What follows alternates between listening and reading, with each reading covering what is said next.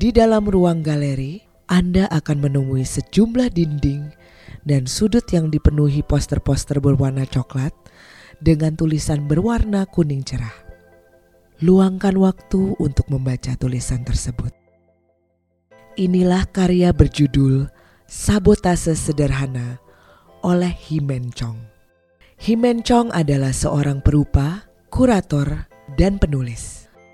Karya-karyanya berfokus pada pertemuan antara gambar, performance, dan tulisan.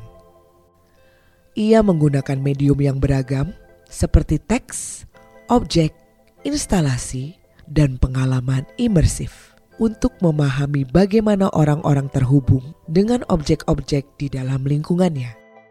Sabotase sederhana berasal dari dokumen rahasia dari era Perang Dunia II berjudul Simple Sabotage Field Manual atau Panduan Lapangan Sabotase Sederhana yang menguraikan taktik halus untuk mengacaukan blok poros dari dalam.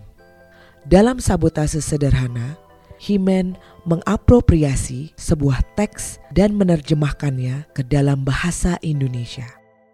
Teks ini menetapkan instruksi untuk mengganggu rapat dan pertemuan serupa di tempat kerja yang dekat dengan dinamika keseharian kita saat ini